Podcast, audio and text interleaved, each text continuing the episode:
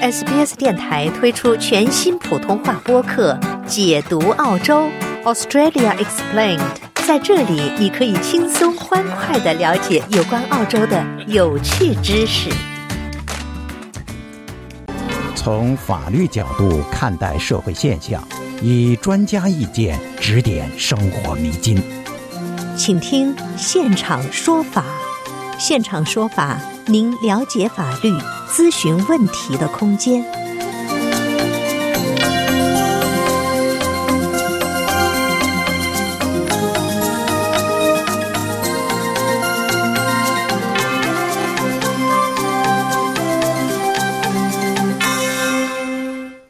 好，欢迎您继续收听 SBS 普通话为您带来的现场说法听众热线节目。在本期节目中呢，我们邀请澳和绿叶 Oslo 管理合伙人林慧梅律师为您介绍无人机监管方面的知识。欢迎听众朋友拨打热线电话一三零零七九九三二三一三零零七九九三二三参与节目咨询法律和移民签证问题。首先来连线本期节目嘉宾林律师，您早。早上好，俊杰。哎，谢谢林律师做客我们的节目哈。林律师这两天看到一个案例哈，就是一个游客呢，应该是在黄金海岸的一层一个这个高层酒店里面哈，他当时洗澡的时候呢，是刚好开着窗户，正好看到窗户呃外面呢是嗯有一个无人机在徘徊哈，他怀疑呢这个无人机在监视其洗澡，有偷窥的嫌疑哈。嗯，就是从这个案例出发呢，我特别想让您给我们介绍一下哈。就说在澳大利亚的话，对无人机监管有什么样的法律规定吗？是的，呃，最近有两个新闻啊，我相信有些听众朋友们可能也听闻了，有无人机给给我们在现实生活中造成一些困扰，那当然带来很多便利，包括娱乐性。一个案例就像您刚才提到的，在黄金海岸这个酒店当中啊，有个游客呢，他正在洗澡，然后呢，看向窗外的海景的时候呢，突然就发现一个无人机在他窗外在徘徊，在监视些什么。然后他感觉到被监视之后呢，马上就关上了窗户，然后下楼呢去跟这个酒店的管理员沟通，但是呢却被酒店告知，由于大楼维护，因此呢酒店呢处于无人机的监视状态下。那这个游客呢在觉得在没有任何被预警或者通知的情况下，就感觉自己的隐私就被偷窥了，并且呢认为无人机驾驶员呢他是有意而为之的。对于这样的事情呢，啊游客呢感到非常羞愧，并且非常的愤怒。那么这是一个案例，是关于隐私方面的。那还有一个案例呢，可能是关于家暴、暴力跟踪方面的。比如说，在一些案件当中啊，有暴力倾向的人呢，可能会用无人机啊，对其前任的配偶啊进行一些侵害，例如说非法跟踪啊，达到窥探对方的住址、工作地址啊、生活状态啊等等目的，就会引发出别的一个社会问题了。哦，这个真的是。感觉这个无人机可以无孔不入的样子啊！就说澳大利亚现在对这个无人机的监管，这个法律规定方面，您觉得，嗯，您根据您的了解哈，有哪些规定呢？觉得够完善吗？嗯，是的，呃，无人机我想是近十年或近十几年的一个产物哦。这样的产物的话，其实我们说法律它还并没有直接把呃相关的问题全部都完善到，例如说在 Privacy Act。它是一九八八年出台的，讨论到了 stalking 跟踪罪，还有非法入侵罪。那么，呃，trespassing，那么举证责任的要点呢，却是在于被侵害人，也就是说，受害人呐要去证明无人机驾驶员是故意偷窃的。比如说我们刚才黄金海岸酒店那个案子，呃，而不是不小心拍到的。那难点就在于受害人要去证明这样的故意其实是有难度的。那么还有一个难点呢，就是在于法律上的滞后性。现在的隐私权法 （Privacy Act） 它其实是在二十世纪七十年代存在的，当时其实并没有像无人机这样的设备。对，现在其实无人机的使用越来越普遍了，但我们也呼吁相关的法律呢，其实要做一定的更新，来保保障到这个呃操作人员，也要保障到被拍摄到的这样的人员。嗯。就是根据您的了解哈，比方说在，因为这个案例是发生在黄金海岸嘛，那么是发生在昆州，以昆州为例哈，如果是要驾驶无人机或者是使用这个遥控飞机的话，嗯，有哪些禁忌或者是哪些要求需要遵守吗？嗯，是的，其实呃，虽然法律上的 Privacy Act 还没有进一步的去完善，但是呢，其实有一些民航局的规定啊，它其实已经出台了。嗯，它比如说，我们给大家总结一下，比如说哪些民航局的一些规定呢？比如说禁止夜间飞行啊，禁止在云雾中飞行啊，不能超不能高度啊，不能超过一百二十米啊，然后不能距离他人三十米以内，然后无人机呢必须得在目视的范围，而不是说在这个屏幕当中操作人员能看到它在哪就可以了。无人机必须得在操作人员的目视范围之内。此外呢，也不能在人群的上方飞行。假设我们现在是有个运动会，或者是在公园或者沙滩有体育比赛等等，不能飞到这样的公共场所，在人 人群的这个上方。此外呢，也不能在紧急行动的区域或者影响公共安全的区域，比如说呃，警方正在进行一些搜救行动，车祸啊、火灾啊、消防啊等等，无人机也不能去靠近。那再比如说，如果无人机是为工作、商业用途的，那么还需要做一定的这个登记，获取许可。那么再比如说，无人机如果是靠近公寓或者是联排别墅等等是有物业管理权的小区，那物业管理小区的 by law 啊 strata 的这个章程里面可能会规定，无人呃无人机它要怎么去飞行。那么除了遵守法律和民航局的规定之外，可能还要遵守这个小区的。相当一部分的这个规定。此外呢，操作人员在一次同时啊，他只能操作一架无人机，不能操作多架等等这些细节呢，其实民航局也在不断的去完善它。嗯，您刚才提到的是一些民法民用的一些规定哈，但是没有写入法律中哈。根据您的观察哈，就是说，针对这个无人机的使用，将来会有一些新的法律规定出台吗？是的，我们呼吁也也也建议在呃这个相关的法律当中有几个是想让它进一步完善的。同时呢，民航局啊每年其实也收到了大约三千多个投诉，是关于这个追究无人机驾驶员的责任，包括隐私啊，然后家暴、暴力等等。那么我们认为下一步的监管方向呢，应该包含无人机持有人的注册，操作人员他要去注册。而不是说他完全就是没有执照，那在一定的程度上，它应该有一定的执照注册制度。那无人机驾驶第二点，无人机驾驶员或者持有呢第三方责任险，现在啊其实是没有保险这一说的。但是我们知道，我们比如说开车啊或者骑摩托车啊都是有保险。那么无人机驾驶员如果造成了一定的损害，包括人身的财产上，是否有保险来 cover 呢？这个第三方责任险其实也是一个未来的一个话题。那么还有飞行路线的记录，还有飞行路线的这个规定，有没有哪些飞行地图是无人机驾驶员和路人们他都是公开可以看到的？他们会知道说，我到了这个公园，这个公园是允许无人机去公开飞行的，所以我可能会更加注重我的一些行为等等这样的飞行路线的规定，还有规范飞行安全、改进隐私与数据保护法。等等，那拍到的东西在什么样的场景场景下能用，什么样的场景下不能用之类的？对，尤其是这个您提到这个第三方责任险啊，在这两天我还看到一个新闻哈，虽然这次现场说法中没有涵盖哈，就是一个骑电动 scooter 的，就这电动滑板车的一个人撞到了一个从商店里面正好走到这个商店外的人，撞伤了哈，这是一个视频，看着是非常的危险。以后有机会的时候讲讲这个电动滑板车相相关的这个法律规定以及一些注意事项哈。那么，听众朋友，欢迎您继续收听 SBS 广播中文为您带来的现场说法听众热线节目。接下来我们接听听众电话，这位是陈先生，陈先生您早，您早。哎，早上好，是我吗？是您，您请讲。好，啊，是这样子，呃，那个，嗯，租客欠租而且有损坏的情况，跟着我们已经拿到，嗯。Tribunal 的一些呃呃 money order，跟着就想看嗯，因为呃租客是说呃他只是 on center link，没有其他收入，但是我们也不知道是不是真的，没办法去查证这一点。那我现在是不是呃值得继续把这个东西 push 到 local court 那边去？如果是的话，那我是自己去处理呢，还是？呃，找律师呢？因为找律师的话，可能那个费用也挺大的。但如果不找的话，我会不会有呃错过了某些东西，就自己没有做的更好一点那样子的？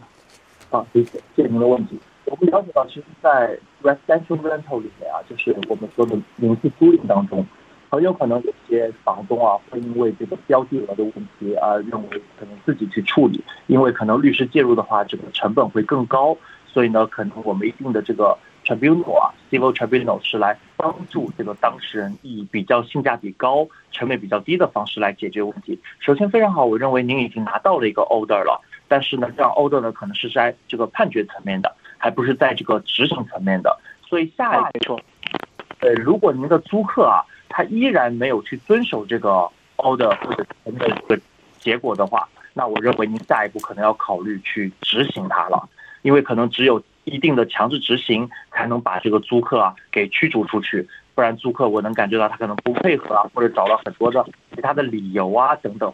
那么您刚才还提到另一个您面临的问题，就是说您担心在递交这个执行的申请当中，是否会因为没有得到全方面的保证而疏忽一些呢？这也是确实是非常现实的一个问题，因为您可能不是法律背景，那这种情况下呢，又同时您要去平衡这个成本的考量，我认为您可以这么做。首先呢，您可以去咨询律师，预约一个一小时或两小时的咨询，去了解一下整个执行过程当中的流程的问题和常见的注意的问题。如果这一到两小时咨询能让您把这个问题给理顺，那您可以尝试我们所说的 DIY，就自己去申请，因为可能标的额较小。文件您可能相对能处理。如果您听了这一两到小时的咨询呢，觉得哎这个问题还真的是蛮深的，执行可能比申请一个这个判决啊会难很多，那您可以再去考虑委托这个律师去做这个执行方面的这个申请。所以我认为您可能先去做一个短短时间的一个咨询，可能帮助到您对于全局啊有个更好的一个判断。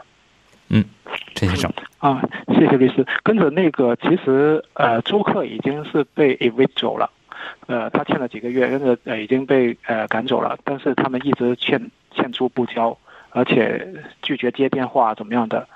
跟着呃，而且之前说就是说他们是呃只拿现他扔，但我们怎么样能够知道他其实是有嗯有没有其他的收入？他有没有怎么样的存款？跟着他有没有？呃，正当收入还是只是呃现金收入，我都不知道。这这些东西我没办法去查证我们自己。呃，嗯，至于如果说是找律师去了解一两个小时的话，这种 initial 的这个呃咨询的话，一般的费用又会是怎么样子呢？谢谢。谢谢您。您刚才涉及到两个问题，第一个问题是说他的其他收入有没有办法去查证？呃，这可能跟他的隐私啊，可能相对有关。那但是呢，如果他在三丘 link 确实是领取的话，那三丘 link 会有 main test，就是呃这个综合测试。综合测试的话，一定是达到了一定的这个呃标准，三丘 link 可能才会给他去发放一定的这个津贴。所以您可以把它认为是可能收入较低，而不是说完全没有收入的那种类型哦。但他是否这样的收入能支撑您的这个租金的偿付，这可能也是一个问号。但如果去查他的收入，可能律师介入的这个呃深度啊，可能也有限，查他深入这方面。这第一，第二，您刚才问到说律师费收费的标准，那么一般的律师呢，可能是在三百到五百之间每小时这样去收取这个咨询的费用。您可以根据不同的律师经验、不同的律师事务所的收费标准进行这个委托跟咨询。嗯，好，谢谢陈先生咨询。好，谢谢您，祝您顺利。听众朋友您好，欢迎您继续收听 SBS 普通话为您带来的现场说法听众热线节目。在刚才的节目中呢，林慧梅律师为您介绍了无人机监管方面的知识。欢迎您继续拨打热线电话一三零零七九九三二三参与节目咨询法律和移民签证问题。接下来我们继续接听听众电话，这位是徐先生，徐先生您好。哎，大家好，林林律师好，好，你好。对，我请教林律师哈，这个我知道我们澳大利亚。这个很多职业都会买保险，尤其是你们律师或是医师嘛，哈。嗯。那呢，我有一个工程的合约呀，在还没有开工以前，我请教我的律师说这个合约是否已过期，然后我的律师一直告诉我说这个合约已经过期无效了，所以呃，因为这样我去建了那个工程，结果没有想到去建的时候，我的租客租客呢说那个合约是有效的，然后我要给他补偿。那呢，我后来就跟我的律师讲说，哎，这个合约还没有过期啊，你怎么跟我说这个合约过期？但是呢，他呃，我的律师就改口说，哎，是的，是这个，呃，有效的，只是啊，没有讲这个呃补偿的日期跟时间啊，还有方式啊。那呢，我我后来一直不肯付这个钱。呃，我说，哎，你不是跟我讲说这个合约过期吗？那呢，结果呢，我这个被我的租客啊，这个上法庭起诉了。在起诉呢，到呃这个要上法庭之前，有一个叫做 settlement conference。那我现在的律师就跟那个以前过世的那个律师，请他过来参加这个 settlement conference，他不肯过来。然后呢，我去年就跟我这个律师讲说，哎，这个合约啊，你是错误的。然后我那个过世的律师跟我说，他建议我去找第三方的律师啊，审核这个案子的经过了。嗯，他说啊，如果我发现哈，这个呃，他确实有错的话，他愿意找这个他们的这个呃专业保险来处理。但是现在现在有个问题，我一再告诉他说你错了。但是他现在还是不肯承认，那在这种情况之下，是不是一定要用告的方式呢？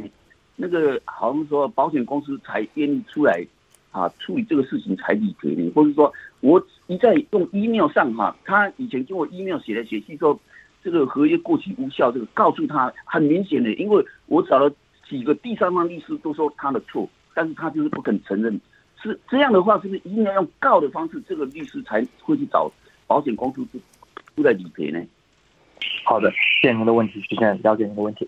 那么，呃，您的问题涉及到关于专业人士的这个相关的职业专业保险的问题啊。那么，在专业保险当中，在什么样的情况下可以去触发他的保险公司或者是这个呃律师啊，要去有一定的义务，必须得向他的保险公司去告知保险公司，他已经有相关的这个被承保的这个可能的话，呃，一个是诉讼，您刚才讲到说我要去告他。那我有这个起诉书，那么这时候呢，律师呢会拿着起诉书给他保险公司说，哎，我可能要主张我的保险来保护我了，因为我已经被告了，这是一种啊。还有一种呢叫做 letter demand，叫做这个呃相关的律师信，我去索偿，索偿的内容呢就是给您造成的赔偿。那么在呃一定程度上，如果您的索偿信的话，那么律师呢也需要去告诉保险公司，他已经受到收到了索偿信 letter demand，是有可能触发他的职业风险的。那这时候呢，保险公司也有可能会进入进来，来替代这个律师去跟您直接对话，来看是否有可能去达成这个呃和解或者是这个承保。所以不是说一定要去告了才能去承保的。那但是呢，您一定得做一些去主张您权利的一些动作。那 letter demand 就是当中一个一种。那此外呢，包括起诉书 claim 呢也是一种。那当中最常见的当然是 claim。那此外呢，我认为，如果你想更保、更好的保护好自己的权利，给对方最大的这个压力的话，那一定是 claim。就您这个诉讼并不一定会走到最后，但您这个诉讼的开始会让对方和对方的保险公司很有压力，并且加快节奏去跟您达成一定的赔偿和解。你刚才讲的一个叫 claim，还有一个叫什么？哦，letter of demand，letter 所长性，所长性，所长性，对。所长性哈，好，所长性后续，当您的立场在您的呃这个信件当中，告诉信件当中一般会包含哪几块啊？第一块事实背景，第二块您的主张，第三块您主张这个内容的原因，第四块如果您没有被，呃您的主张如果没有被偿付的话，可能导致的结果，这四大块是在所偿信里面比较常见的内容。现在最大的问题有一个什么？那个我以前过世的律师呢，是现在我这个律师的员工啊，他们以以前是老板跟员工的关系。那我现在的律师啊，我叫他去处理这个事情，他好像有这种情感的关系，说哎，以前他是吧，是这个这个人在他公司当过员工了，好像不接受啊，不不愿意去接我这个去告现在这个好呃告那个有过失的律师啊，所以这个造成。那我要找再再找其他的律师去处理这个事情吗？对，呃，这时候可能涉及到两方面啊。第一个方面呢，辩证的去看；第一个方面呢，可能是正的方面，就是说他们俩认识，但是认识不能影响他们的职业哦。但认识在一定程度上可能能让这个交流变得更加通畅，看是否有可能帮助到这个案子进一步的和解。那现实当中，一定的和解的程度是。需要双方有一定的这个认知或者信赖的背景，确实可以加快这个和解的这个速速率，这是有可能，但这是从辩证的第一步来看，那从辩证第二步来看，无论他们是否认识，或者就算他们是有亲属关系，也不能影响这个律师的独立判断。您现在律师的独立判断，如果有，如果有的话，您一样可以就这位律师没有独立，就给职业给您造成的这个损害进行这个主张赔偿，并且如果您觉得他没有，您也可以把他替换掉，给您造成的这个损失，你也可以向他去主张。啊，我们辩证的看到，我现在律师好像有一种啊，说啊，他很忙啊，他用这样的话，好像哎不来继继续接我这个 case 啊，以前都是由他去处理，但是现在你看呢，这个以前那个律师处，他说那个是他以前的员工，他有这种情感的那个在哈，所以现在假借这种说他也很忙啊啊这样子。那您可能要跟他有个好的沟通，问他到底是因为什么原因使您的案件可能有所停滞，是因为确实近期的繁忙，呃，他的这个日程的原因，还是因为确实是您刚才提到一个情感上的原因？如果影响到了职业职独立的职业的话，那就要把它给换掉了。嗯，好嘞，谢谢徐先生，好，谢谢您。那么，听众朋友，欢迎您继续拨打热线电话一三零零七九九三二三来参与节目，咨询法律和移民签证问题。接下来，我们继续接听听众电话，这位是 Peter，Peter，您久等了。呃，你好，你好。呃，我想问一下，就是说，这个这个老人过世后，这个按照这个遗嘱的话，这个转到我的名下，这个我需要办些什么手续才可以把这个房子卖卖出去？哎，好的，谢谢您。首先，请问一下，Peter 有遗嘱吗？还是没有遗嘱？啊，有有有。哦，有遗嘱，好的。然后遗嘱当中，您是受继承人对吗？对。OK，那比较简单了，可能就是呃，跟当然流程当中可能会需要律师的这个协助啊。您可能找到律师，告诉他您有遗嘱，然后呢，告诉他是哪个物业，这个物业现在的状态是什么，然后律师呢会帮助您根据遗嘱啊去做这个过户。然后去做遗嘱的登记跟这个过户的登记，您可能会产生一笔印花税跟产权登记费用，但是澳洲是没有遗产税的，没有遗嘱税的，所以这个可以放心。所以呢，就是根据这个缴纳相关的税务，然后完成过户，然后按照遗嘱里的内容就可以操作了。这问题不难，可能时间会一到三个月左右，会有一点时间需要去等待，呃，注册需要去时间。为什么？嗯，为什么要这么长时间呢？呃，因为整一个。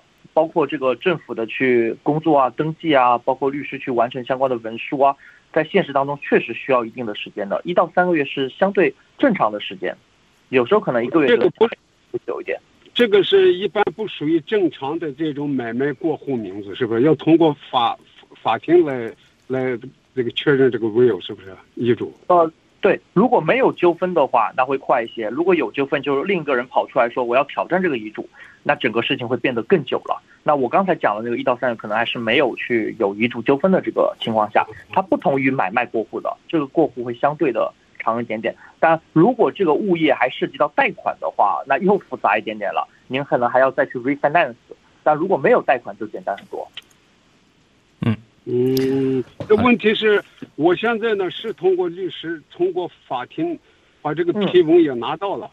但是我现在如果再要往出卖，是不是先要过到我的名下，然后才能卖，还是直接就可以卖了？呃，如果您直接卖的话，那可能还需要我我呃要确定一下您做的文书的内容啊，做的文书的内容是否是让您直接卖，还是过户到您自己的名下再卖？